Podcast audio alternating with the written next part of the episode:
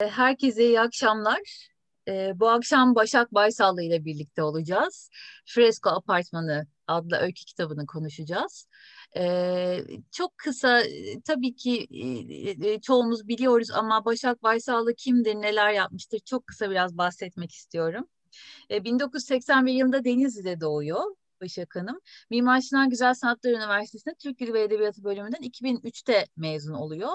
Ee, bu dönemden sonra öyküleri de e, Öykülen ve Öykü gazetesinde çeşitli e, dergilerde ve seçkilerde yer alıyor.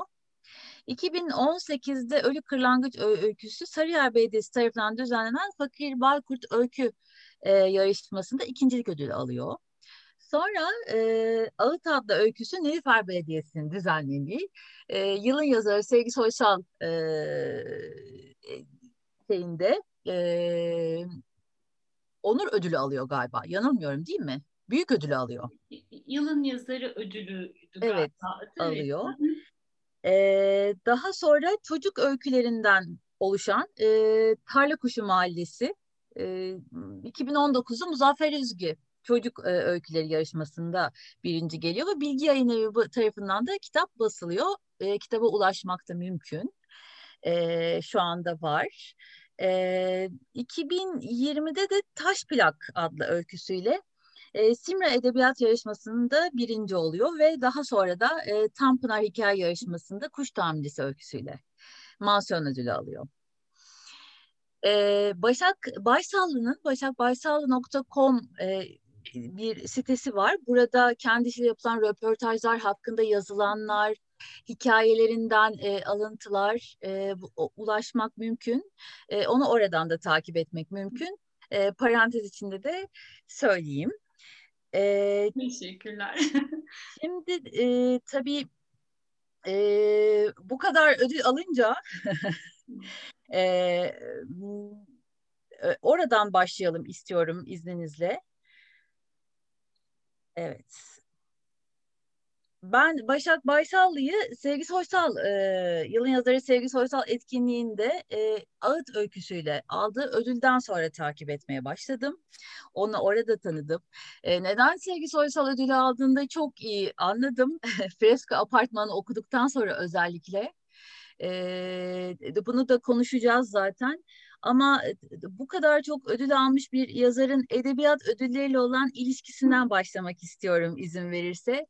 Ee, bu edebiyat ödülleriyle nasıl ilişkileniyorsunuz? Ne düşünüyorsunuz edebiyat ödülleriyle ilgili? E, ben de öncelikle herkese çok teşekkür etmek istiyorum sanat kritikteki tüm ekibe, e, burada görünenlerin yanı sıra görünmeyenlere de e, çok teşekkürler davet ettiğiniz için. Çok büyük bir mutluluk benim için bu. Ee, biraz da heyecanlıyım. Umarım yanıtlayabilirim, e, yeterli yanıtları verebilirim. Çünkü ben de e, sesli düşüneceğim aslında yanıtı verirken. E, edebiyat ödülleri aslında şöyle başladı. Ben bir şeyler yazıyordum tabii ki. Yani her başlayan insan gibi, yolun başındaki herkes gibi. Kendi kendime bir şeyler yazıyordum ama e, bunları kime okutacaktım? Evet eşim dostum okuyordu. Onların fikirleri de çok kıymetliydi her birinin. E, ama e, bir yerlerden daha bekliyorsunuz eleştirilmeyi ve okunmayı. E, ve benim için o dönemlerde yani 2016'da ilk öyküm yayınlanmıştı öykülemde. E, dergilerle başlayan e, bu süreç e, jürisine e, çok önem verdiğim, jüride çok önem verdiğim isimlerin bulunduğu yarışmalara da yönlendi aslında. Yani oradaki e, yarışmak amacıyla yazılmasa da o öyküler e, amacım okunmaktı. Yani bir şekilde e, ulaşırsam e, birilerine yani o postada kaybolmazsa başka bir şey olmazsa e, o işte benim çok kıymet verdiğim isimlerin önüne gittiği zaman okuyacaklardı. Bunu bilmek çok büyük bir heyecandı zaten başlı başına e, yeterliydi. Çünkü e, oradaki isimlerin hiçbirinin kapısını çalıp da e, ben böyle bir şey yazdım bir bakar mısınız deme şansımız yok. O yüzden bu bir yoldu aslında. Ve böyle sonuçlar almak her şeyden önce yolun çok başındaki birisi için okunmaya değer olduğunu öğrenmek oluyor yazdığı metinlerin buna çok önem veriyorum. Yani ödülün somut kazanımlarından çok ya da oradaki isimden çok e, aslında birileri ve o birileri sıradan birileri değil, bu işe yıllarını vermiş insanlar, e, yazanlar ya da hani hem kurgu yazanlar hem akademik alanda çalışanların birikimleriyle değerlendirilmiş metinler. Onların okunmaya değer bulduğunu bilmek e, tabii ki çok büyük bir mutluluk. Aslında ödüllere verdiğim kıymet sesimin du, duyur, e, duyurulabilmesi için bir yoldu benim için o yarışmalar. E, ve ödüller aslında e, biz senin sesini duyduk demekti. o yüzden e, benim için çok kıymetli, yeri çok büyük. Ha ama e, tabii ki şuna, şuna da inanmıyorum. Yani hani bu ödüller olmasaydı, yarışmalar olmasaydı ben yine yazmaya devam edecektim tabii ki. E, o doğrudan etkileyen bir şey değil ama e, dolaylı olarak kapı aralayan bir süreci başlattı aslında. Ee, belki de yazdıklarımın nasıl olduğunu anlamam biraz daha geç olacaktı. O yarışmaları gitmeseydi öyküler ya da o sonuçlar öyle gelmeseydi ben belki kendi kendime hala bir şeyler nasıl gidiyor onları çözmeye çalışacaktım. O yüzden hem çok önemli ama e, olmazsa olmaz da değil. Öyle söyleyebilirim. Ama dergilerle ilgili öyle düşünmüyorum. Mesela dergiler daha olmazsa olmaz bence. Yani dergiler edebiyatın arka bahçesi ama e, orada çok şey öğreniyorsunuz. Evet bir dergide e, bir öykünüz yayınlandığında kaybolabiliyor. Belki hani birileri onu okumayabiliyor. Çok istediğiniz isimleri o öyküyü o dergide ulaştıramayabiliyorsunuz ama e, ödüller nasıl olmazsa olmaz değil. E, ama dergiler dergilerden yolunun geçmesi yazmaya çalışan birinin çok önemli. Evet. E, çoğu öykünüz de dergide yayınlanıyor ilk yayınlanışları herhalde değil mi? Kitap, kitaba daha ya iki kitaba da dahil edilmeyen öyküler var sanırım değil mi e, dergilerde olan? Onlar hiç e, e kitaptaki öyküler hiçbir yerde yayınlanmamış öyküler. E, Fresko apartmanı başlı başına. Başlı başına yani tarla kuşu içinde. Evet, tarla kuşu için de öyle. O da sadece o kitap için yazılan evet. öykülerden oluşuyor. E, yayımlananlar, işte ödül alanlar, e, henüz yayımlanmadı. Onları da zaman zaman elim gidiyor. Aslında öykü yazmaya da e, tabii ki devam ediyorum. Ama her öykü kendine ait kitabı bulsun istiyorum. Onları da böyle bir arada toparlamaya henüz elim gitmiyor. O yüzden sanki hepsinin yeri başkaymış gibi hissediyorum şu sıralarda. E, o yüzden onlar henüz yayınlanmadı. peki o zaman yavaş yavaş kitaba girelim istiyorum e, Fresko Apartmanı'na. E, Fresko Apartmanı e, bir dönem Freskolar Apartmanı olarak da e, bilinen e, aslında bugün Kız, Kuzguncuk'ta bulunan e, Simetos Apartmanı değil mi? 1923'te e, Musevi bir aile Arditti ailesi ki e, kitapta da soyadı olarak hmm. devam ettiriyor kendisini ve Simotas adında bir e, Rum mimara inşa ettiriliyor. E, 1923'ten sonra zaman zaman Kuzguncuk'ta yaşayan insanlara çeşitli mesleklerden insanlara kiraya veriliyor sanırım. İşte bir tüp atölyesi toka atölyesine dönüşüyor. Bir yatılı okul yapılma ve işte bir butik otel yapılma e, arzuları var. Ama sonra 2003'te e, Birgül ailesine geçiyor. E, Refika Birgül e, bugün işte muhteşem yemekler yapan bilmiyorum aranızda takip eden varsa çok tatlı e, bir insan. E, o, o aileye geçiyor ve o dönemden sonra da e, çeşitli e, tıpkı kitapta olduğu gibi çeşitli mesleklerden insanlara ev sahipliği yapıyor. E, bir noktada aslında kendi tarihini devam ettiriyor. E, bir kere onu e, anlatması bana çok e, çarpıcı geldi. Çok çok merak ettiğim bir yapıydı o. Bir de e, tam boğazı görüyor, bütün boğaza açık, e, işte Bostan'a yakın e, değil mi ve bahçesinden de e, sanırım e, pek çok ibadethane görülebiliyor. Yani böyle çok e, konum olarak da e, topografik konum olarak da çok ilginç bir yerde. E, siz bu apartmanın sesine nasıl kulak kabarttınız? ne zaman e, fark ettiniz hmm. içinde öyküler olduğunu? Benim e, bu hikaye zihnimde dolaşmaya başladığı zaman aslında önce bir apartman vardı. Yani Hı. bu apartmanın nerede olduğu, o zamanlar bu apartman imgesizliğinin oluşmaya başladığında e, Zimot Hasan da haberim yoktu aslında. E, bunu düşündükçe bu öyküler işte apartmanın daireleri yavaş yavaş oluştukça, e, onlar birbirine bağlandıkça e, bu ilk söylediğim şey şuydu kendime. E, bu apartman bir boğaz kıyısında olmalı. Yani bo boğazı rahat gören bir konumda olmalı ve 6-7 Eylül'ün izlerini taşımalı. Bunu biliyordum yola çıkarken. Kuzguncuk benim çok sevdiğim bir semt. Tamamen oradan çıktı aslında. E, Kuzguncuk'u çok sevdiğim için o apartman Kuzguncuk'ta olsun istedim. Sonra tabii bunlar netleşince semti araştırmak gerekti. Semtin tarihini, oradaki yapıları. E, çünkü tabii ki kurgu bir metin ama e, gerçekte bir iz düşümü olsun istiyorsunuz ya da ben öyle istiyorum. Yani gerçekte bir somut görsellikten yola çıkıp onu e, değiştirmek yazma süreci içinde bana daha çok keyif geliyor. O yüzden uzunca araştırmaya başladığımda zihnimdeki o hayal ettiğim apartmana benzeyen sadece Zimotas apartmanı vardı. Çünkü e, o kadar tarihi bir apartman yok başka e, ve hep iki katlı tarihi binalar çok ama hep iki katlı cumbalı yapılar. Bir apartman değil hiçbiri.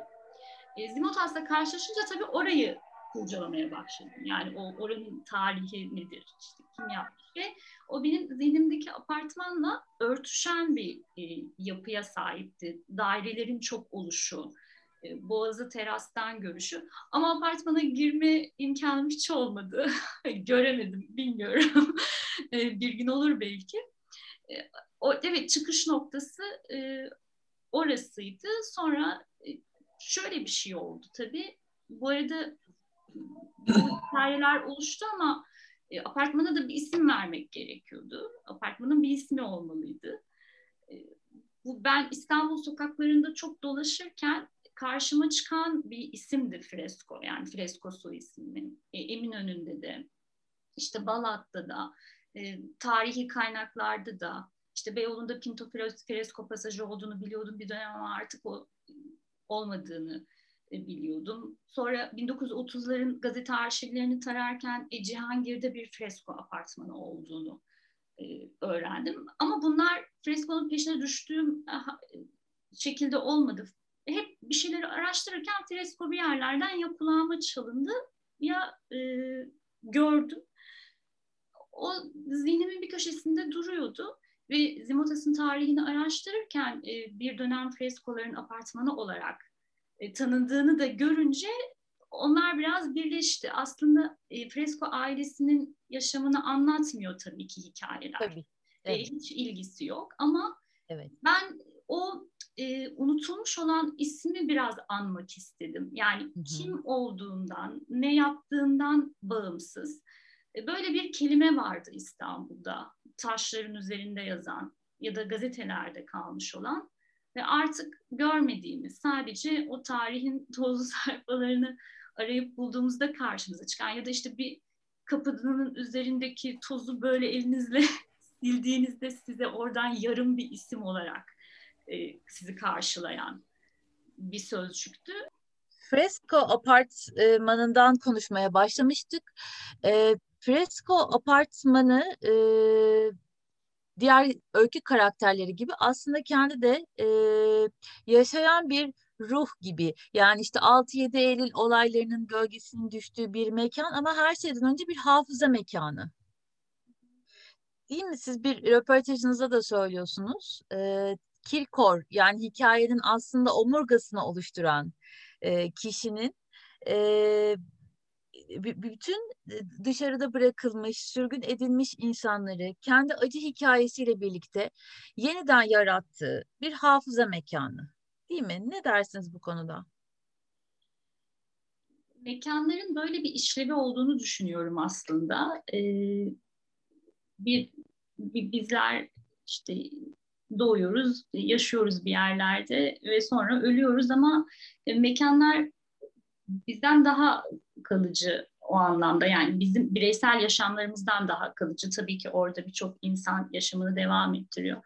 E, bu mekanların açık mekanlar olarak düşündüğümüzde de böyle ya da bir apartman, e, bir mimari yapı, bir tapınak olarak düşündüğümüzde de böyle aslında. E, belli izleri hep barındırıyorlar geçmişe dair. E, herhangi bir motifinde de bunu yakalayabiliyorsunuz. İçinde yaşa, yaşayan birinin size anlattığı bir hikayeden de yakalayabiliyorsunuz. E, ve bütün bu hatırlamalar aslında sizin de söylediğiniz gibi o hafızanın belki de vücut bulmuş hali mekanlar. Hafıza dediğim şey soyut bir şey çünkü çok gözümüzde canlandıramadığımız bir şey. Ama e, onun somutlaştığı ve vücut bulduğu yer e, mekanlar oluyor. E, ve tabii ki o hatırlamalar da hep mekana bağlı hatırlamalar oluyor. Yani bugün geçmişimizde bizim de yaşadığımız bir olayı, birisini e, ya da bir şarkıyı bile hatırladığımızda e, onun yaşandığı, onun dinlendiği mekan da e, gözümüzde canlanıyor. Bu anlamda insanı da ben mekandan bağımsız düşünemiyorum. E, bir boşlukta bir insan hayal edemiyorum mesela. Hiçbir e, yere, hiçbir banka oturmamış, bir ağaca elini dayamamış e, bir, bir karakter canlanamıyor gözümde. E, o yüzden insanın hafızasının belki de en çok korunduğu alan mekanlar. Bir kapıya baktığımızda, bir kapı tokmağına baktığımızda bile aslında birçok hikayenin orada yaşandığını hissedebiliyoruz. O tokmağı çeviren kaç el vardır diye düşünmeden e, edemiyorum ben. Biraz mekanın aslında karakterle bütünleşmesi ya da o hafızanın koruyucusu olması belki de bu mekanın beni geçmişe götürmesinden de kaynaklandı. Peki neden 6-7 Eylül olaylarını anlatmayı seçtiniz? Biraz buradan başlayalım sonra e, ilerleyeceğiz yavaş yavaş. Yani size ne fısıldadı 6-7 Eylül olayları? Aslında ben yaklaşık 10 yıldır e, yakın tarih okuyorum sürekli. E, sözlü tarih çalışmalarını takip ediyorum. Özellikle 1940'lardan sonraki e, süreci. Bunun da sebebi tamamen merak. Ben geçmişi çok merak ediyorum.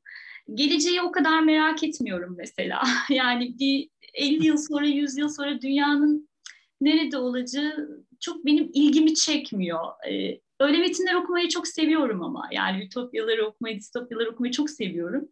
Ee, ama o merak duygusu beni oralara götürmüyor. Hep geçmişi çok merak ediyorum.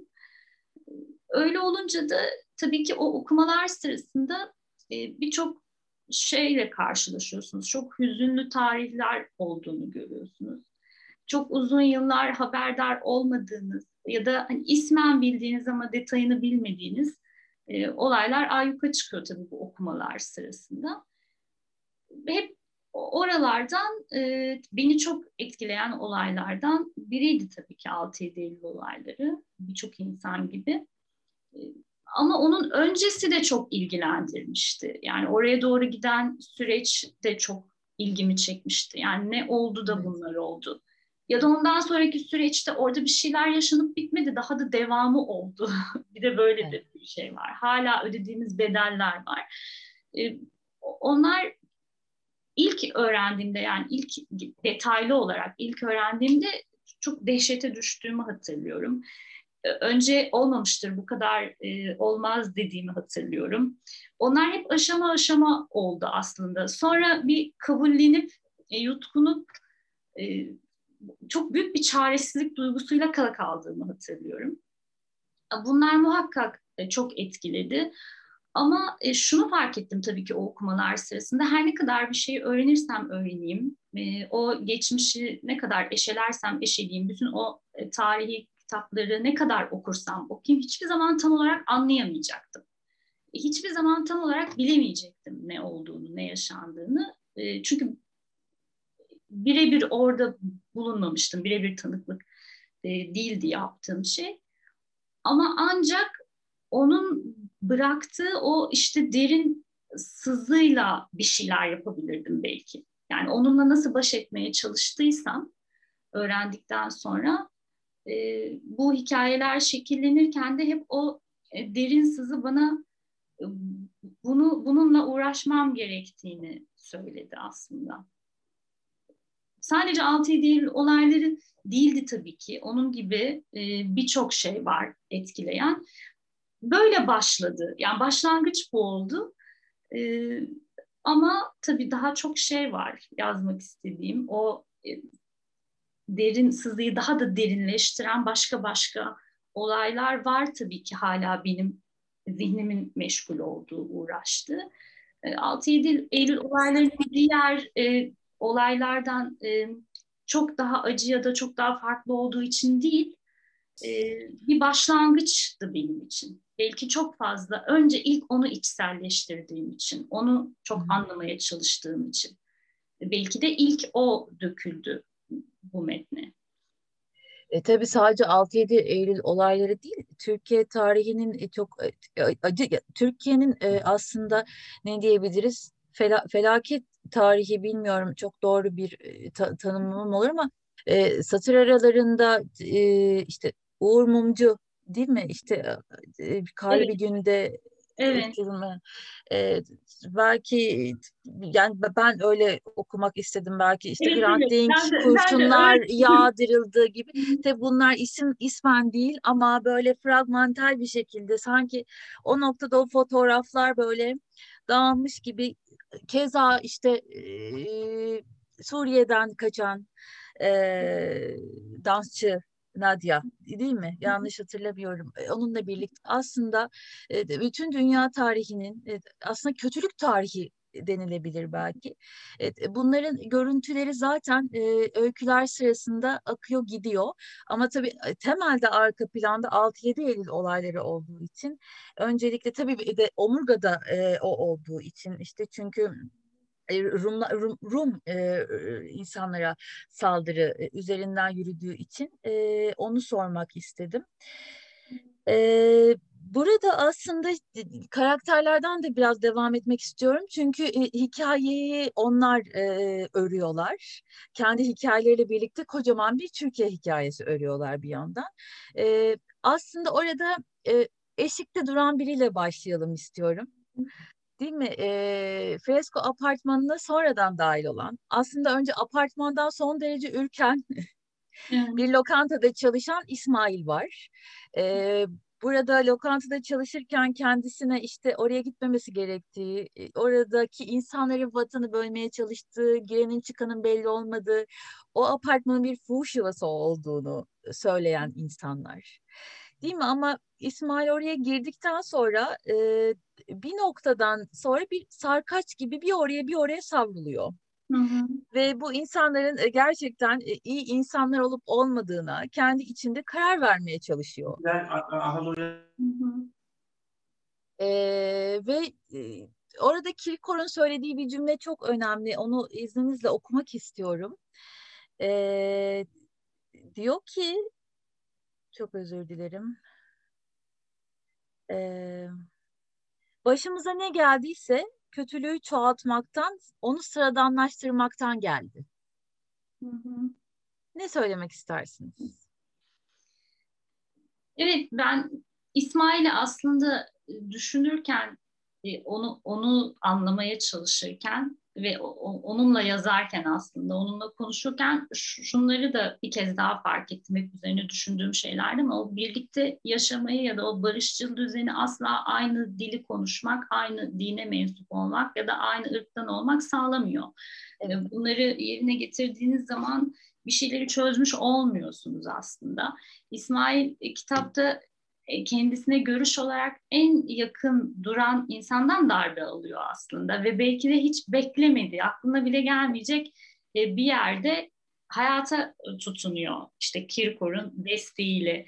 Aslında çok da anlaşamıyorlar da hala. Yani bir arada o apartmanda yaşıyorlar ama e, herkesin çok böyle muhteşem anlaştığını da söyleyemiyoruz. Evet. Zaten şey diyor İsmail, kaynaştığımız pek söylenemez ama alıştık birbirimize diyor. Evet, o işte e, empati e, yapabilme, o kabulü yapabilme e, ve aslında işte Kirkor'un söylediği gibi bunlar ne bireysel eylemler ne e, kitlesel aslında çok gerçekten kötülüğün e, kötülük olarak algılanmadığı zamanlarda gerçekleşebilecek olaylar. Yani kötülüğü bir kötülük olarak düşünmeye başlamadığınız zaman ya da onu sıradanlaştırdığınızda e, bu çok büyük bir katliama dönüşebiliyor. Kimse bunu buradan çıktığını konuşmamaya başlıyor hatta. Yani onlar çok sıradanmış gibi e, düşünülüyor. E, ve bazen kötülük hiç beklemediğiniz yerden geliyor. İyiliği çok başka bir yerde bulabiliyorsunuz. Bunların çok da ütopik olduğunu düşünmüyorum ben. Bazen böyle de e, okuyanlar, kitabı okuyanlar ya böyle bir şey olmaz e, diyorlar tabii ki haklı olarak. Ama ben nedense öyle düşünmüyorum. Yani bir yerlerde böyle şeylerin olabildiğini, birbirlerinin çok farklı e, duran iki karakterin e, yaşamı birbirleriyle tutunduklarına inanıyorum. Yani bunu gözlemleyebiliyorum da şöyle bir etrafıma baktığımda. E, o yüzden kötülüğün sıradan laşmasından başımıza ne geldiğini anladığımız zaman aslında o kötülüğün yol açtığı şeyleri de daha net görebiliyoruz belki. Onu gördüğümüz zaman da bir başkasını anlamaya başlıyoruz. Orada İsmail'in o tabloyu görmesi işte Kirkor'u ve diğerlerini anlamasını, diğerlerini de onu anlamasını sağlıyor. Evet, e, bu noktada aslında Kirkor'un e, o, o omurga e, sözcüğünü çok e, sevdiğim için tekrarlamak istiyorum. Yani öykünün omurgası olması çok önemli. Çünkü e, bütün o apartmana yerleşen işte pek çok e, meslekten insan var. Ama bir biçimde yaşamda tökezlemiş, e, kendine yer yurt edinememiş, e, bir, bir şekilde sürülmüş insanlar bunlar ve tökezlediklerinde de düştükleri yerden e, kaldıran, onları ayağa kaldıran bir isim Kirkor. Ve hepsini de bu işte bu hafıza mekanı dediğimiz e, apartmanın e, yaşamı içinde yapıyor. Bu anlamda Kirkor e, çok önemli bir e, karakter. Ona zaten geleceğiz ama ben mekandan biraz daha devam etmek istiyorum izninizle. E, bu, burada fresko apartmanı zaten bir çözülme ve dağılma mekanı da değil aslında. Tam da e, Kirkor'la birlikte bir toplanma mekanı ve insanların e, hayatlarını yeniden kurdukları, hayata yeniden anlam vermeye çalıştıkları, o anlamı aradıkları bir mekan bir, bir, bir yerden sonra da. E, bir noktadan sonra da biz freskoya böyle dışarıdan da bakmıyoruz öykülerde. Böyle tam freskonun kalbindeyiz. E, o anlamda çok etkileyici geldi bana öykü ama siz bu konuda ne düşünürsünüz bilmiyorum. Ben böyle sizin böyle bir yorum yapmanıza çok sevindim şu anda. Çünkü aslında e, yazarken yazmaya başlamadan önce kafamda büyük bir resim oluyor ve o kitap bittiği zaman istiyorum ki o resme hiçbir zaman tam ulaşmak belki mümkün değil ama büyük ölçüde ulaşabileyim. Ve o büyük resimde e, gerçekten apartman imgesi benim için sizin söz ettiğiniz gibiydi. Yani dağılma ve çözülme mekanı değil tam tersine e, kapsayan ve koruyan e, ve kollayan bir mekan olmasıydı. Bugünden bakınca da aslında bugün apartmanlar bu özelliğini de kaybetmiş durumda. Çok kalabalık yaşıyoruz ama kimse evet. kimseden haberdar dar değil. Bu çok klasik bir söylem olabilir ama gerçek bu. yani klasik söylemlerin böyle bir gerçek bir oldu aslında. ee, o yüzden istedim ki Fresco öyle bir apartman olmasın. Bugünün apartmanları gibi olmasın.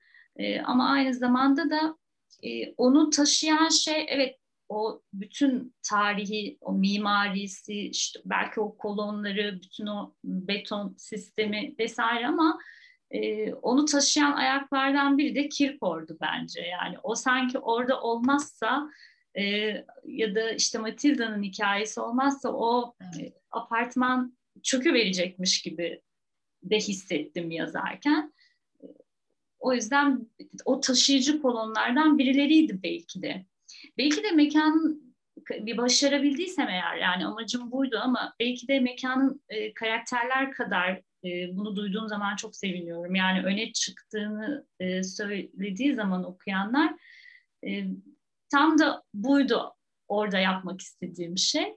E, o yüzden o hafıza mekanı aynı zamanda bütün karakterleri koruyan, kollayan ama o mekanın varlığını da e, karakterlerin devam ettirdiği bir durum olsun. Çok istemiştim. Çok güzel. Ee, peki yanılmıyorsam bir röportajınızda 1940 ile e, 64 arasının e, sizi çok meşgul ettiğini Hı-hı. ve aslında bu kitabın üçlemenin e, birincisi olduğu ve bir üçleme yazmak istediğinizi söylüyorsunuz. Kitapta da tabii e, yani insanların hikayelerini dinliyoruz biz, öğreniyoruz ama Eleni e, kendi hikayesini de unutan biri olarak hmm. bir parça daha suskun kalıyor hikayede. E, ben de bir okur olarak merak ettim. Acaba bu hikayenin devamı mı gelecek? Yani Eleni'nin hikayesini mi öğreneceğiz yoksa siz başka hikayelerin peşine mi düşeceksiniz? Bir ipucu tabii ki. Söylemek istemezseniz de anlayışla karşılarız. Aslında Eleni'yi çok düşünmüştüm. Bir 10. öykü olarak oraya Eleni'yi yerleştireyim ve öyle mi tamamlansın kitap diye. Ama şunu da fark etmiştim. Yazmaya başlamadan önce de yazarken de anlatmak istediğim çok şey vardı. Anlamak istediğim de çok şey vardı. İkisi hep bir aradaydı. Evet. Çünkü ben hep yazarak düşünen biri oldum. Yani derslere bile yazarak çalışırdım yani. Hep hep e, yazarak bir şeyleri anlamaya çalıştım her zaman.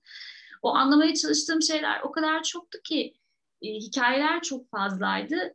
E, tek bir kitapta öyküden bağımı çok koparmak istemiyordum ve tek bir kitapta bütün bunların anlatılması pek mümkün görünmüyordu. En azından benim için. Yazmaya çok yeni başlayan biri için bu biraz ürkütücü bir tabloydu da aynı zamanda. E, ama o hikayeler şekillenirken işte Fresko Apartmanı onun bir parçası olarak çıktı. Tabii ki ben orada bu uğraştığım dönemlerde de işte 1940'dan 64'e kadar olan sürecin bir parçası çıkmış oldu. Geriye çok şey kaldı. E, ve onları da düşünürken aslında Fresco'daki karakterleri de çok düşündüm. O apartmanın çevresinde çok düşündüm. Ee, ve en azından e, yani bir üç kitapta bunu anlatabileceğime kanaat getirdim başlarken. E, Fresko Apartmanı'nı yazarken bunu tamamlayacak iki kitabın olması gerektiği e, hep zihnimin bir köşesinde duruyordu. O yüzden Eleni'yi bir öykü olarak mı oraya yerleştirsem yoksa onu başka bir hikayede mi ele alsam diye ben de çok düşündüm. Ama Eleni'ye dair yazmak istediğim çok fazla şey olduğunu fark edince öykünün sınırları bunu kaldırmayacaktı. Ee, biraz da yazmak istediğiniz şeyler aslında türü belirliyor. Hiçbir zaman öykü yazayım diye başlamıyoruz. Bazen bir, bir paragraf çıkacak zannediyorum. Ben bir öyküye doğru gidiyor. Bazen bir, birkaç paragraf not alayım, belki başka şöyle bir öykü düşünüyorum, orada kullanırım diyorum ama hiçbir zaman onu düşündüğüm öyküde kullanamıyorum. Başka bir şeye dönüşüyor. O yazmak istedikleriniz türü belirlediği için Eleni ile ilgili yazmak istediklerim öyküyü çok aşıyordu. O yüzden onu da daraltmak istemedim. O bir kenarda e, dursun deyince e, evet bu bir ipucu olabilir. E, Eleni'yi yazmayı çok istiyorum. Uğraşıyorum da, çalışıyorum çok da. Güzel. Biraz çok. biraz başladım da. Yani umarım yapabilirim. Yapabilirsem gerçekten o e, üç kitapta 1940'tan 64'e kadar olan e, süreçte parça parça e, İstanbul'da o geniş toplumun dışında kalan insanların neler yaşadığını yazmak istiyorum. Yani gidenleri de, kalanları da. Böyle bir isteğim var. Çalışıyorum da. Umarım yaparım, yapabilirim yapabileceksiniz. Ben inanıyorum, bekliyorum. E, heyecanla bekliyorum. Peki neden 40 ve 63 arası siz? İşte bu e, okumalar bu kadar e, meşgul ediyor. Ne, tam olarak ne görm? E, yani bu, tam olarak e, nedir sizi orada çeken? Orada e, bütün bu işte e, yakın tarihe dair okumalarda şöyle bir şey şöyle bir tabloyla karşılaştım. En son vardığım şey oydu. İşte varlık vergisiyle başlayan bir süreç var. 64 sürgünlerine kadar giden bir süreç. Ve İstanbul, tabii ki İstanbul hep mekan olarak çok uğraştığım bir şehir benim. Çok da merak ettiğim bir şehir. Ben edebiyatla İstanbul'u çok birbirinden ayıramıyorum. Ee, ben edebiyatı bu şehirde özümsedim. Çok şanslıydım. Ee, bunu bana özümsetecek insanlarla karşılaştım. Öyle bir üniversitede okudum. Onun çok çok büyük etkisi vardı. Ve İstanbul'a bu kadar tutunmam aslında bana o bütün o metinlerde İstanbul'un nasıl işlendiğini gösteren üniversitedeki hocalarım sayesinde oldu. Yani bunu hep hep söylüyorum. Ve ben bugün işte Boğaz'dan geçerken huzuru hatırlıyorsam e, bu biraz da bu tesadüflerin sonucunda oldu aslında. Ve hep İstanbul'la birleştirdim okuduklarımı.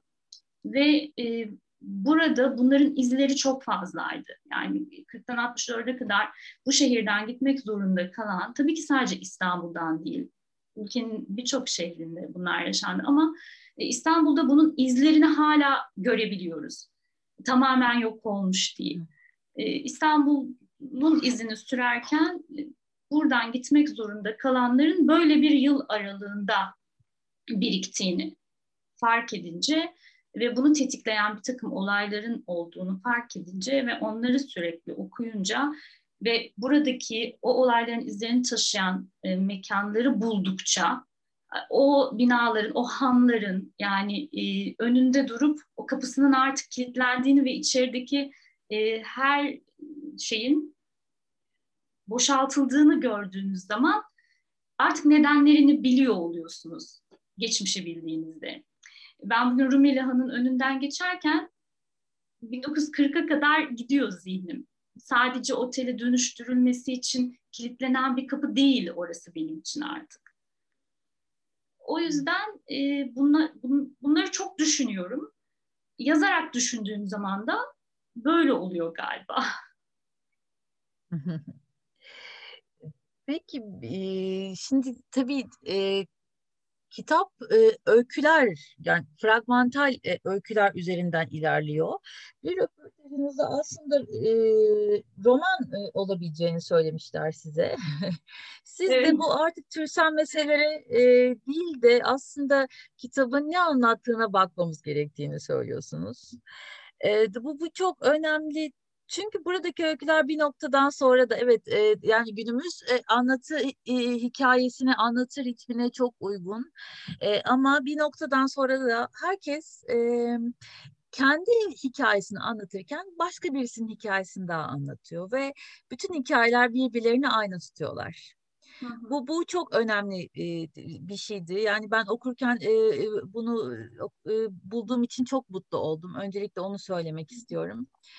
E, ve bunu yaparken de insanlar e, çok zarifçe e, bir, zarif bir ayna tutuyorlar. E, yani burada bir e, ka- kabalık yok. Son derece kendi akışı içinde, kendi hikayesi içinde karşı tarafa dokunarak e, karşı ki karşıdaki kişinin de hikayesini ortaya çıkarıyorlar. E, o anlamda e, çok önemliydi. Ee, çok özür dilerim.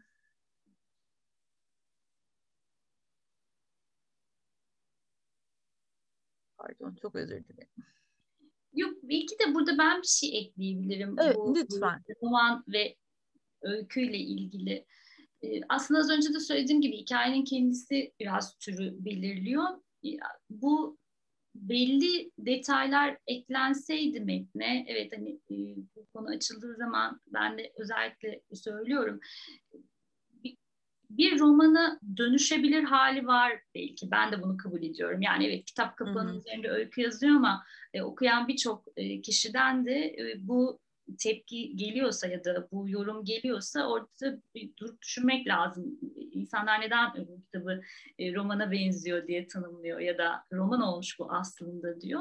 Evet o aralarındaki öykülerin arasındaki güçlü bağ e, buna böyle bir izlenim yaratıyor haklı olarak. Çünkü adım adım ilerleyen bir kurgu var işte her karakterin diğer öykülerde karşımıza çıkması var ya da sizin dediğiniz gibi her birinin birbirini anlatması var. Aslında bir romanın içinde e, gördüğümüz de evet. özellikler bunlar. Evet. E, ama bir taraftan da öykülerin kendisine bireysel olarak baktığında, yani tek başına baktığında her ne kadar diğerlerinden bağımsız okunamıyor olsa da kitabın içinde her biri aslında başka bir hikayeyi anlatıyor. Ya da ben öyle yapmak istedim. Ee, bunu yapabildim mi? Tabii ki yine kitabı okuyanların e, vereceği bir karar bu ama her bir öykü e, ana kurguya giden yolda birbirini tamamlasa da her birinin söylemek istediği başka bir şey olsun istedim. Bütün o ana kurgudan bağımsız. İşte sizin az önce söylediğiniz gibi e, sığınak öyle bir öykü olsun ki orada sokak ortasında güpe gündüz vurulan e, gazetecileri ya da e, işte arabasına bomba koyularak öldürülen aydınları hatırlayalım o öyküde. Orada bir duralım 6-7 Eylül'den bağımsız olarak, ana kurgudan bağımsız olarak orada başka bir şey olsun. Ya da Nadia'nın öyküsünde Suriye'deki evet. savaşı, e, o gördüğümüz görüntülerin arkasında görmediğimiz hikayeleri belki hatırlayalım. İstediğim için e, onlar bana hala öyküymüş gibi geliyor böyle düşün düşününce. E, ama tabii ki orada onları ana kurguda bağlayan da çok güçlü bağlar var. Bunu da diyorum. ya bu zariflik meselesini şu sebeple söylemiştim. Siz anlattığınız şeylerde e, yani özellikle de azınlık meselelerinde ya da e, az önce söylediğimiz Türkiye'nin kötülük tarihinde e, ama bakın bakın ne kadar da kötü haksızlıklar olduğu gibi değil de çok böyle kıymetli bir emaneti taşır gibi onu kucağımıza bırakıyorsunuz. O noktada diliniz gerçekten çok etkileyiciydi. E, gö- göstermek değil, az önce söylediğiniz, tam da az önce söylediğiniz şey anlamaya çalışarak e, anlatıyordunuz. Bu, bu gerçekten hikayeyi çok da vurucu e, yapan bir nokta. E, onu da söylemeden geçmek istemiyorum. Orada da zaten e, şunu bilerek yola çıktım. Hiçbir zaman bu olayları yaşayan insanların çektiği acıyı ya da yaşadıkları duyguları anlatamam. Zaten bunu biliyorum. Bunu anlayamam da yani. Ancak evet. bunu öğrendiğim zamanki duygularımla baş edebilirim. Tek elimdeki veri buydu. Bunu bilerek yola çıktığımda buna çok özen göstermeye çalıştım. Ee, o kimseyi kırıp gücendirmeden bir dil kullanmaya, karakterlerin de birbiriyle aslında sadece okuyanları düşünerek değil bu. Ee, ama oradaki karakterlerin birbirine de dokunmaya kıyamasınlar istedim. Çünkü ben bile onları çok uzun bir süre hiçbir şeye dönüştürmeye kıyamadım. Yani dokunamadığım bir şeydi. Ee, yavaş yavaş olması belki de e, metne böyle yansıdı. O da o sürecin bir yansıması olabilir. Benim çok adım adım bu meselelere yaklaşmam, çok koruyup kollamam, çok herkesle konuşamamam, çok kendi içimde yaşamam metne böyle süzülmüş olabilir. Şimdi düşününce ben de bunu şimdi düşünüyorum. evet zaten veda bölümünde diyorsunuz ki tanık olmakla sonradan öğrenmek e, birebir yaşamak asla aynı şey değildir. E, aslında o noktada Fresko apartmanına belki bir tanıklık edebiyatı olarak da yaklaşmak gerekir. Bilmiyorum siz ne düşünüyorsunuz? Edebiyatın kendisi biraz da öyle galiba. Ya da ben bir ülkeyi tanımayı, bir dili tanımayı hep edebiyattan yola çıkarak yapmaya çalışıyorum. Benim edebiyat galiba biraz yönümü bulma alanım ya da bir aracım. Yani bütün her şeyi edebiyat yoluyla tanımaya çalışan biri olduğum için edebiyatın tamamı büyük bir tanıklık. Kronolojik olarak bir dönemin eserlerini okuduğunuz zaman aslında bütün o tarihi e, arka planı görebiliyorsunuz. E, ya da o kültürü, e, o sosyal yapıyı metinlerle çözebiliyorsunuz. Oradan bir yere varabiliyorsunuz. Tabii ki yeterli değil ya da edebiyatı burada bir öğretici, didaktik bir alan olarak gördüğüm için bunu söylemiyorum. Ama e, ben bir şeyi merak ediyorsam nedense hep edebi metinlerden yola çıkarak başlıyorum. Oradan başlıyorum. O beni başka bir yere götürüyor belki. Bu çok önemli çünkü e, aslında edebi metinlerde e, bir tür şey yani onu söylemek lazım işte e, şeyin bulduğu defter e, babaannesine ait defterinin o, bulduğu defter ve de arşiv kayıtları bir noktadan sonra edebiyat da aslında böyle bir arşiv e, ne diyebiliriz e, niteliğine kavuşuyor. Hı hı. Evet ve işte arşivlerde e, daha didaktik bir dille hikayeler birikiyorken edebiyat evet. bunu aslında estetize ederek sunuyor evet. hepimize. Daha süzülmüş bir dille sunuyor. E, daha belki e, o sayfalarda yer almayan bir kurguyla. Aslında edebiyat orada gerçekte yer almayanların anlatılması için de çok büyük bir alan sunuyor. Evet, Çünkü evet gerçekten besleniyorsunuz, gerçeklikten besleniyorsunuz ama onu aynen anlatma zorunda olmamanın özgürlüğü de çok başka bir alan açıyor. Ve ben de kesinlikle sizin gibi düşünüyorum. Çok e, edebiyatın bütün türlerinin aslında e, tarihe bir tanıklık olduğunu. Peki bu bağlamda tahta bavulda diyorsunuz ki artık hiçbir şey eskisi gibi olmayacak. Hikaye anlatıldıktan sonra nasıl her şey eskisi gibi olmayacak? O da mesela bir okur, okur olarak benim hep hissettiğim bir şeydi. Ee, ben bir şiiri okuduktan sonra, o şiirden haberdar olduktan sonra e, başka biri oluyordum. Yani başka bir gözle bakıyordum. Ya da bir romanı okuduktan sonra, bir öyküyle karşılaştıktan sonra başka türlü düşünmeye başlıyordum. Benim için e, her okuma aslında hiçbir şeyin eskisi gibi olmayacağının bir göstergesiydi.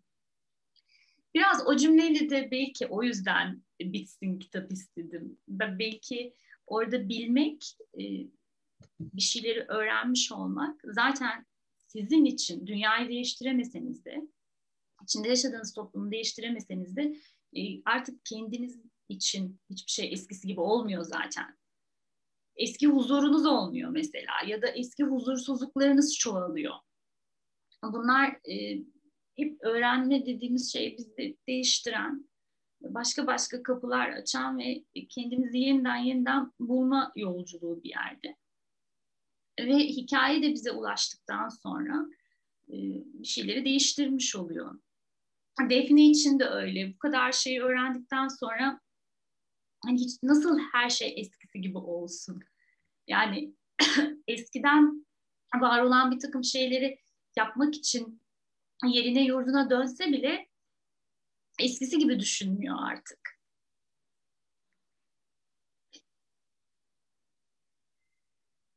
Kitapta e, bir yaşam ritminden bahsediliyor. Özellikle Eleni'nin e, sürekli tekrarladığı ve Fresco apartmanında yaşayanların da bir noktadan sonra e, sürekli o yaşam ritmini aradığı e, bir yer var. E, orası orasını bütün hikayelerde çok e, derinden işliyorsunuz ve yaşama e, aşkı, yaşama sevgisi, yaşama inatla bağlanmak, ne olursa olsun ayakta kalmaya çalışmak, devam etmek, yeniden dönüşmek, yeniden inşa etmek, en başından başlamak. Aslında sizi Sevgi Soysal damarına bağlayan yer de bence burası. Ee, ya bir okur olarak nacizane fikrim. Elbette siz ne dersiniz bilmiyorum ama çok e, güzel bir şey söylüyorsunuz. Diyorsunuz ki her şeye rağmen dans devam etmeliydi hayatta. Ee, işte Ani mesela likör defterini ki likör sever olarak o bölüme bayıldım. Harika bir bölüm e, yeni dünya likörünü bir şekilde o gittikten sonra bile terasta içilmesi için yapmayı ısrarla devam etmesi. E, sevgilisinin intiharından sonra işte hepimiz dayanıyoruz ama sen dayanmadın demesi. E, bu hayatla bağlılık meselesi hakkında ne söylemek istersiniz? Ee, ya her şeyden önce yaşamayı çok seviyorum ben. Yani bir, bir kuşun uçuşunu seyretmeyi, her işimi bırakıp o anda o hayatın içinde olma halini çok seviyorum. Bunu olabildiğince de yapmaya çalışıyorum aslında. Bunca koşuşturmanın içinde. Ama kendime hep şunu söylüyorum. Her ne yapıyorsan yap. Yazmak da buna dahil bir eylem benim için. Her ne kadar çok sevsem de yaşamak hep önde benim için. Yani yazmak ya da okumak ne zaman ki o yaşamın tadını çıkarmama engel oluyor. O anda onu durdurup devam edebiliyorum. Buna çok önem veriyorum aslında. Biraz da belki bunları yansıtmak istedim oradaki karakterlere ve yaşanan çok büyük acılar olsa da vazgeçişler olabilir. Hayatı terk etmek ki işte kitaptaki intiharlar bir vazgeçiş aslında. Herkes de yaşama bu kadar tutkuyla bağlamak zorunda değil. Hiçbiri kutsal değil aslında. Ne vazgeçiş ne evet. yaşama sevgisi. Bunları kutsallaştırmadan birçok açıdan birileri yaşamayı çok severken ve ona tutkuyla bağlanırken bir başkası bundan vazgeçebilir. İkisi de normal. İkisi de doğal. Biraz kişinin nereden baktığıyla ilgili bir şey aslında. Ama e, Kirkor'un özellikle öyle olmasını çok istedim. O yüzden biraz idealize etmiş olabilirim Kirkor'u. Bazen e, bir ilah gibi konuşuyor yani çok güzel ve yukarıdan böyle ışıklar içinde sanki bir şey söylüyor gibi onun farkındayım. Onu hem yazarken farkındayım. Oralarda çok gülümseyerek yazdığımı da hatırlıyorum dönüp baktığımda. Ama Kirkor öyle olsun istedim. Yani her şeye rağmen e, hep hayatın devam ettiğini kendine de söylesin ve yanında yöresinde olan insanlara da bunu söylesin ve onlarla bunu paylaşsın. O çiçekler hep yetişsin yani hiç o orada solan bir şey olmasın, hayata küsen bir şey olmasın ama e, hayata küsenler de hep e, hatırlansın, onlar da unutulmasın ya da onlar da hor görülmesin. Böyle bir şeydi aslında orada yapmak istediğim. Evet zaten e, hafıza ve unutmamak meselesi çok önemli. E, o, oraya da gelelim istiyorum biraz.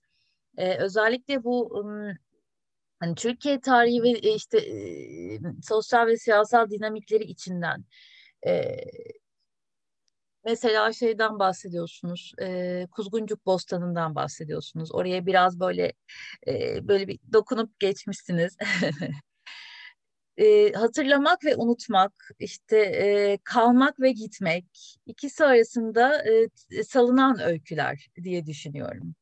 Hatırlamak niye bu kadar önemli olmalı? Bazen şunu düşünüyorum. Yani geçmişe dair bir şey hatırlamasaydık. Çok özür diliyorum. Yani şöyle bir şey tam olarak e, doğru ifade etmeye çalışıyorum bize sürekli yani bütün bu e, dinamiklerle birlikte unutturulmaya çalışan bir şeyler, çalışılan bir şeyler var ve biz hatırlamaya inatla devam etmeliyiz. Evet. Öğretmenler bize hep bunu söyledi. Evet. Kitap boyunca. Evet.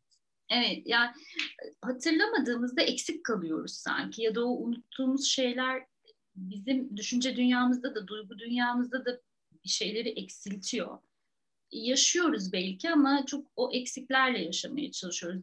Bildiğimiz zaman o tamamlanma gerçekleşiyor sanki. Ee, yaşadığınız ülkenin geçmişini bildiğiniz zaman, o toprakların tarihini bildiğiniz zaman başka türlü bakmaya başlıyorsunuz ve bu defa bugünü ve e, içinde yaşadığınız olayları daha iyi anlamaya başlıyorsunuz aslında. Nedenlerini biliyor oluyorsunuz çünkü. Bence zaten unutturulmaya çalışılmasının da en temel sebebi bu. Çünkü o zaman bütün bu olan bitenin nedenini anlamayacağız hiçbir zaman bilmeyeceğiz ve sorun teşkil etmeyeceğiz yani. Bilmediğiniz zaman çünkü susarsınız sadece. Ama bildiğiniz zaman bu bildiklerinizi paylaşma ihtiyacı hissedersiniz ve aslında anlatmak da hatırlamak. Ee, geçmişi evet. anlattığınız zaman hatırlarsınız ve anlatılan şey aslında kalıcı olur. O çok ironik gelmiştir bana.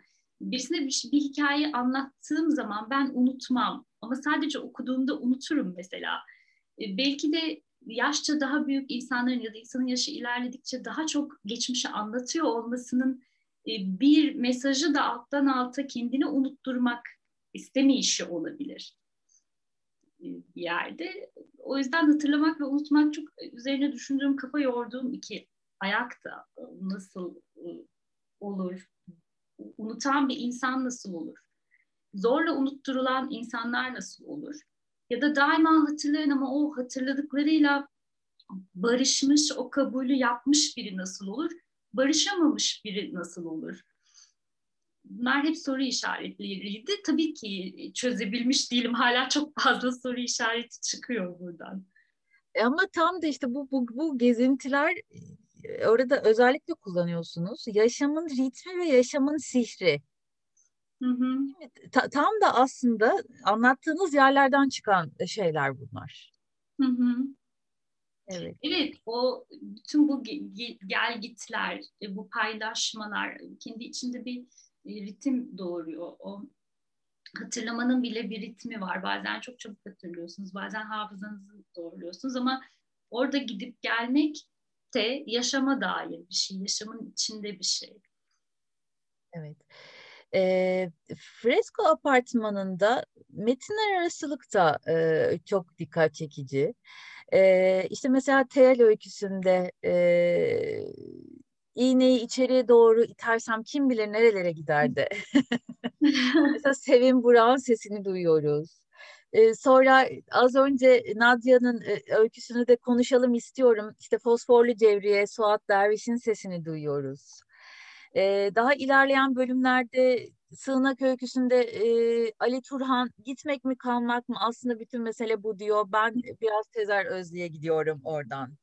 Sonra e, işte Defne ile e, ressam Bora'nın rüyasında bir ormanda gezinmesiyle işte Latife Tekin'in ormanda ölüm yokmuş e, cümlelerine gidiyoruz. Melis Cevdet Anday var, Rahatlık Açan Ağaç, ikinci yeni falan böyle ama bunlar e, yani ay şurada da şu olsun, şurada da olsun, şu olsun şeklinde değil de son derece doğal, e, yerine yerleşen, sizin bir e, okur belleğiniz gibi. Yani bir metni okurken siz nasıl e, daha önce okuduğunuz e, metinleri belleğinizden geçiriyorsanız bize de o şekilde e, geçiyor metinde. E, bu da metnin e, e, önemli olan e, noktalarından biri diye düşünüyorum. Siz ne diyorsunuz? E, ben bunları duyduğuma çok mutluyum tabii ki şu anda. Çünkü bütün bu saydığınız isimler ve daha niceleri benim e, seslerini hep duyduğum yazarlar. O sesler hiçbir zaman silinmiyor. Çünkü her birinde kendinizden bir şey bulduğunuz için kalıcı oluyor aslında bütün o romanlar, öyküler ya da şiirler. Ve eğer bir şeyleri anlamaktaki e, alanınız edebiyatsa o sesler hiç susmuyor ve ben hiç sussun istemiyorum zaten. E, Fosforlu Cevri'yi böyle cümle cümle hatırlarım. Çünkü çok okuduğum bir roman. Tabii ki çok defalarca okuduğunuz zaman daha kalıcı oluyor. Evet. Yıldızlı gecede benim aklıma gelir Fosforlu Cevriye. Başka evet. türlü düşünemem. Yani o yıldızlara baktığım zaman ilk aklıma düşerdir. Nadia benim zihnimde oluşmaya başladığında ilk çağırdığı imge Fosforlu Cevriye'ydi ve o anda bilemedim. Mesela dedim ki fosforlu Cevriye ile Nadia'nın bir şekilde bütünleşmesi lazım ama nasıl olur böyle bir şey? Yani olabilir mi böyle bir şey? Nasıl olur? Ya, onları çok böyle defalarca not aldığımı hatırlıyorum. Ee, nasıl onları birleştirebilirim bir kurgunun içinde diye. Ya da işte bütün o şiirler birbirini tetiklemesi aslında hep benim bana yol gösteren metinlerdi onlar. Yine Sevim Murat tabii Sevgi Soysal, Leyla Erbil, Tommy Sürat, Tezer Özlü bunlar hep e, adım adım e, onların adımlarını takip etmeye çalıştığım isimler, dönüp dönüp okuduğum isimler. E, ne mutlu ki onların e, sesini anımsatabilmişim size. O yüzden bu söyledikleriniz beni çok mutlu etti. E, tabii ki orada bir hesap kitap yapmıyorsunuz. Bunu yazarken bunu buraya yerleştireyim değil ama e, o şey, şunu itiraf ediyorum yani Nadia'da baştan fosforlu cevriyeyi bu onu bir, birleştirmeliyim deyip çok çok düşündüm. Yani o biraz e, ilk çağır, çağrıştıran imge olduğu için e, çalışılmış e, çok düşünülmüş bir şey olabilir yani orada bir... Ama en çarpıcı bölümlerden biri onu söylemek istiyorum. Çünkü Nadia yani Nadia fosforlu cevriyeyle neredeyse kendini yeniden inşa ediyor. Yani o fosforlu cevreye dönüşme e, aşkı diyeyim, tutkusu diyeyim. Çünkü çok çalışıyor bunun için. Sahnede çok başarılı bir şekilde oynamak için çok uğraşıyor ve bir noktadan sonra da aslında kendini yeniden inşa ettiği, e, o fosforlu cevrenin sözcükleriyle yeniden inşa ettiği bir e, alan haline dönüyor o öykü.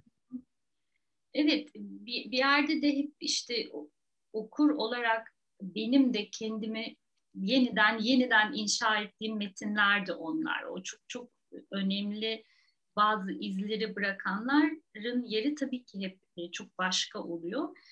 Sanırım o sesler biraz eşlik etti bana yazarken.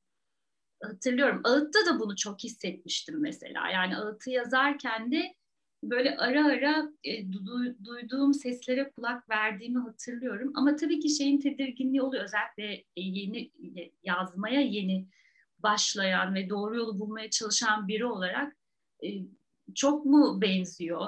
Sanki aynı mı oluyor? O kadar da olmasın diye de düşünmeye başlıyorsunuz. Bu defa orada biraz uzaklaşmak gerekiyor. E, sanırım bu denge deneye yanıla e, oturuyor yerine. Çok da bir formülü yok belki. E, uğraşa uğraşa o sesler yerini buluyor galiba. Ama e, bir yerde de e, e, bunu da hiç unutmuyorum. Kendime de çok söylüyorum. Yani bu daha önce okuduğum metinler yazdıklarımın bir yerine yansıyorsa bu her şeyden önce çok büyük bir teşekkür ve saygı duruşu benim için.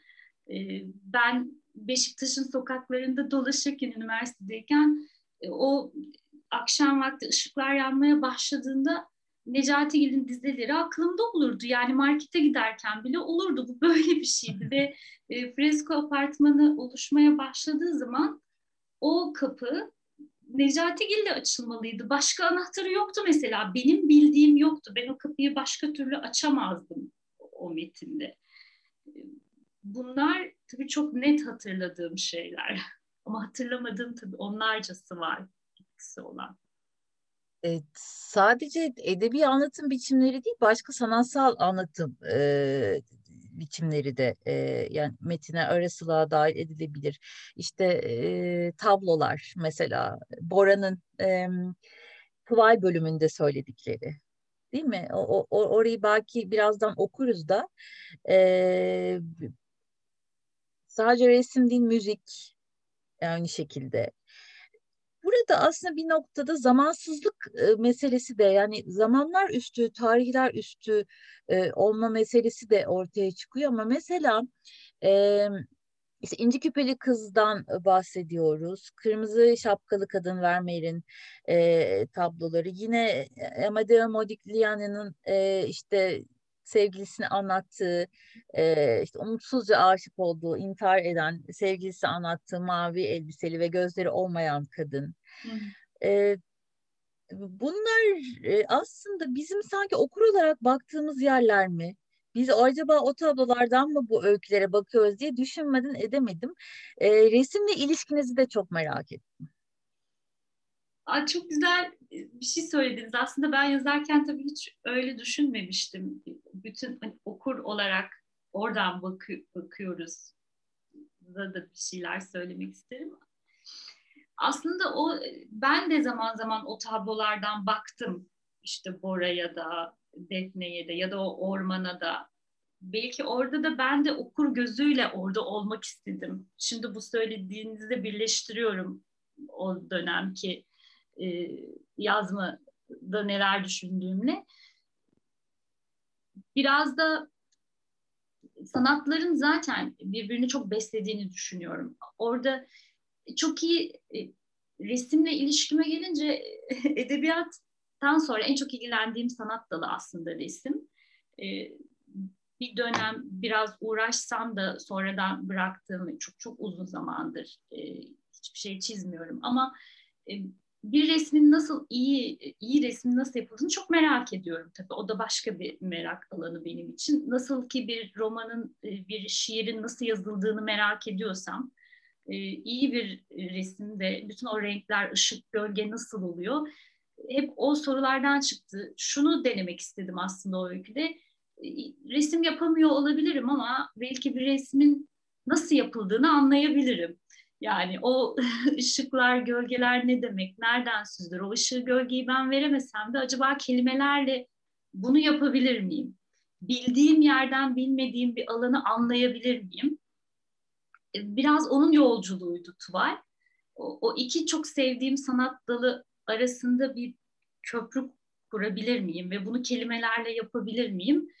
Ee, bunlara çok kafa yordum. Benim için kitapta en özel yeri olan öykü bu anlamda e, Tuval. Evet, Tuval. E, oradaki tablolar hep çok sevdiğim tablolardı. Orada da çok öznel bir tercihti onları o ormana yerleştirmek. Hikayelerini sevdiğim tablolardı. O ışıklarını, gölgelerini sevdiğim tablolardı. E, belki de orada resim tekniğine e, dair söylenen şeyler aslında yazma tekniğiyle de örtüşen şeyler olduğunu Evet. Sonradan gördüm ben yani e, her şey bittikten sonra tekrar e, metnin üzerinden geçerken ya dedim acaba ben resim tekniğini anlatırken aslında yazı tekniğine de mi e, kapı aralamışım diye de düşündüğümü hatırlıyorum.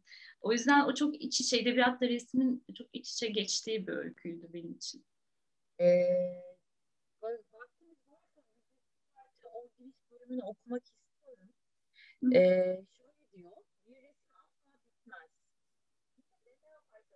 Sesiniz biraz e, gitti. Şimdi e... şu anda geliyor mu? Ha, tamam. Evet. Bu bahsettiğimiz bölümden bir parça okumak istiyorum izninizle. Şöyle diyor Bora. Bir resim asla bitmez. Yine de ne yaparsanız yapın onun bir parçası olamazsınız. Resim size bir hikaye anlatır siz bu hikayeyi dinlerken arada bir perde varmış hissine kapılırsınız. Resimle aranızda herhangi bir yakınlık olmasa da siz bir yakınlık kurduğunuza inanırsınız. Figürler, desenler, renkler sizi bir iter, bir çeker. Dikkatimizin dağılmasını ya da gürültüye e, kapılmayı istemezsiniz. Kendinizi gelgite kaptırır, bir ritim yakalarsınız. Kapının önünde duran bir kadın nasıl olur da böylesine sihri bir anda yaratabilir? Bu sihir hayat ve insan arasında kurulan ilişkide gizlidir. evet. Evet, o beni bir tabloya baktığım zaman etkileyen e, bütün o manzaradan, bütün o renklerden onların bıraktığı duygulardan yola çıkarak yazmaya çalıştım hep bu, bu bölümleri. Bir, bir sanat eseri karşısındaki o hayranlık halini çok seviyorum. Bu bazen bir, bir şiir oluyor. Hatta e, o çok geniş bir yelpazeden de bakıyorum bu anlamda. Bir halk şairinden işte Hoca Dehani'nin bir beytine, e, oradan bambaşka bir tablonun karşısında, başka bir heykelin karşısında şunu yakalıyorum. Hep aynı hayranlık e, gelip beni buluyor. Bu e, sanat dalları değişse de o aldığım estetik haz hepsinde aynı ölçüde ve aynı yoğunlukta oluyor. E, hep oralardan yola çıkarak anlatmaya başladım. O kelimelerin yarattığı sihir neyse aslında üzerimizdeki o kendine hayran bırakan şey resimde o işte desenler, figürler, ışık, gölge olurken bir heykelde o mermerin mesela dokusu olabiliyor. Dokunmak istiyorsunuz o hazzı çoğaltmak için. Ee, onları çok bütün görüyorum. Birini diğerinden hiç ayıramıyorum. Biri olmazsa diğeri eksik kalırmış gibi hissediyorum hep. Evet, e, son olarak terastaki sofraya gelmek istiyorum. Her şeyin çözüldüğü o ana. Kirkor'un bütün e, kendi tarihini anlattığı e, ana. E, o sofrada yani hazırlanması son derece e, şölen e, içeren, e, çok heyecan içeren, e, hayata o insanları yeniden bağlayan, e, işte Ani mesela ölümü bekliyor ama ay ne olur o sofrada olayım ve sonra veda edeceksem edeyim e, diyeceği kadar önemli bir an. E, sofrada en az fresko kadar birleştirici o metinde. E, ve bir noktadan sonra da insanlar arasındaki fikirler arasındaki sınırları genişleten, gevşeten, e, hatta onu zaman zaman da ortadan kaldıran bir işlev kazanıyor. Ve tabii yemeklik e, kültürü. işte likörler, mezelerin yapılışı, e, o mezelerin yapılışını anlatırken o e, diliniz çok şölen içeren, çok keyif içeren bir dil. E, ve Rüya'nın hazırladığı irmik helvası. bu bu konuda ne söylemek istersiniz? yani bütün o bütün bu bahsettiğiniz şeyler aslında oradaki karakterleri tek tek e, karaktere dönüştüren şeyler. E, o işte tadın hafızası, işte o rüyanın irmik helvasını yaparken bütün o hatırlamaları, o işte karanfil kokusunun ah, çarpıştığı evet. her şey. Onlar da yine kendisinden birin diğerinden ayıramadığımız şeyler. Bu tabii ki o, o bölümü yazarken e, yemeklerin de bir kültürün taşıyıcısı ve bir hatıraların da taşıyıcısı olduğunu unutmayarak yazmaya çalıştım. O mezeler sadece hani meze değildi, başka bir şey anlatıyordu. Ya da irmik helvası sadece tek başına irmik helvası değildi, başka anıları da beraberinde getiren bir şeydi ve nasıl ki birbirlerine ihtimam gösteriyorlarsa, nasıl ki işte geçmişi belki pamuklara sararak korumaya çalışıyorlarsa o e, yemekler de sofraya öyle taşınsın diye düşündüm hep. Tabii o sofra, işte tabaklar, ne bileyim masa, sandalyeler bu tip eşyalar da benim çok ilgimi çekiyor her zaman. Evet. Onların hep bir şey söylüyorlarmış ve bir şey anlatıyorlarmış gibi hissediyorum her zaman. Evet, eşyayla ilişkiniz de çok güçlü. E, tabii burada da yani be- bellek ve hatıraya ba- bağlanan e, noktası var ama eşyayla evet ilişkiniz çok güçlü. Evet, e, o eşyaları anlat, eşyaları yazmayı çok seviyorum ben. Ee, belki bu bellek hafıza ya da bu tür imgelerden bağımsız da yani bir bardağı ya da bir işte konsolu yazmaktan çok başka bir keyif alıyorum onu kurgunun içine oturtmasam da. Ee, ama bu o bazen onu da sorguluyorum. Aslında işte bu eşyalara verilen kıymet, e, eşyanın kendi e, taşıdığı bütün o e, anlamlar ya da bu anlamları yükleyen sonuçta insan yani o sehpa bunu bilerek sehpa olmuyor işte bütün o anlam yüklemeler de başka soru işaretleri getiriyor. Bir eşyaya fazla anlam yüklemek aslında hani çok do- doğru bir şey mi? Ona bu kadar anı ve hatıra yüklemek, onu bir yerde kutsallaştırmak mı? Birini başka bir eşyaya başka birinden birine devretmek bu kadar anlamlı olmalı mı? Aslında böyle bakıldığında da e, tuhaf bir şey oluyor yani olmamalı diyorsunuz ama onu öyle yazmak da çok cezbediyor. Belki bu e, gelenekte böyle süre geldiği için ve ben böyle besinleri okumayı çok sevdiğim için de ol, oluyor olabilir. Aslında günlük yaşamda eşyaya bu kadar anlam yükleyen, bu kadar hatıra yükleyen, bu kadar her gördüğüm eşyada birilerini hatırlayan biri olmasam da e, eşyayı öyle ele almak bana e, çok estetik geliyor. o yüzden belki de o işte Tanpınar'dan belki Orhan Pamuk'a kadar da Uşaklıgil'den Orhan Pamuk'a kadar uzanan bir e, zincirde o eşyanın anlatılmasının devamlılığı da e, hoşuma giden bir şey. peki benim aldığım notlar e, burada tükendi. Sizin e, söylemek, eklemek istediğiniz e, bir şeyler varsa e, onu alacağız ve e, programın ilk bölümünü kapatacağız. E, sonra sorular eşliğinde ikinci bölüme geçeceğiz. Ee, ben çok teşekkür ediyorum. Çok keyifliydi benim için e, burada olmak, e, sizinle olmak. Davet ettiğiniz için de çok teşekkür ediyorum. E, benim tabii için de çok Böyle bir süreçte kitap çıktığı için e, kitabı okuyanlarla buluşma imkanım çok olmadı benim. Tabii ki hepimiz evlerdeyiz. e, bu dönem öyle bir dönem, öyle de olması gerekiyor. O yüzden de çok kıymetliydi bu buluşma. Öyle de bir e, anısı olacak bende. Onun için de ne çok mutlu. teşekkür ediyorum böyle bir e, imkan verdiğiniz için de. Ne mutlu. Aynı mutluluğu ben de paylaşıyorum. Çok teşekkür ederim.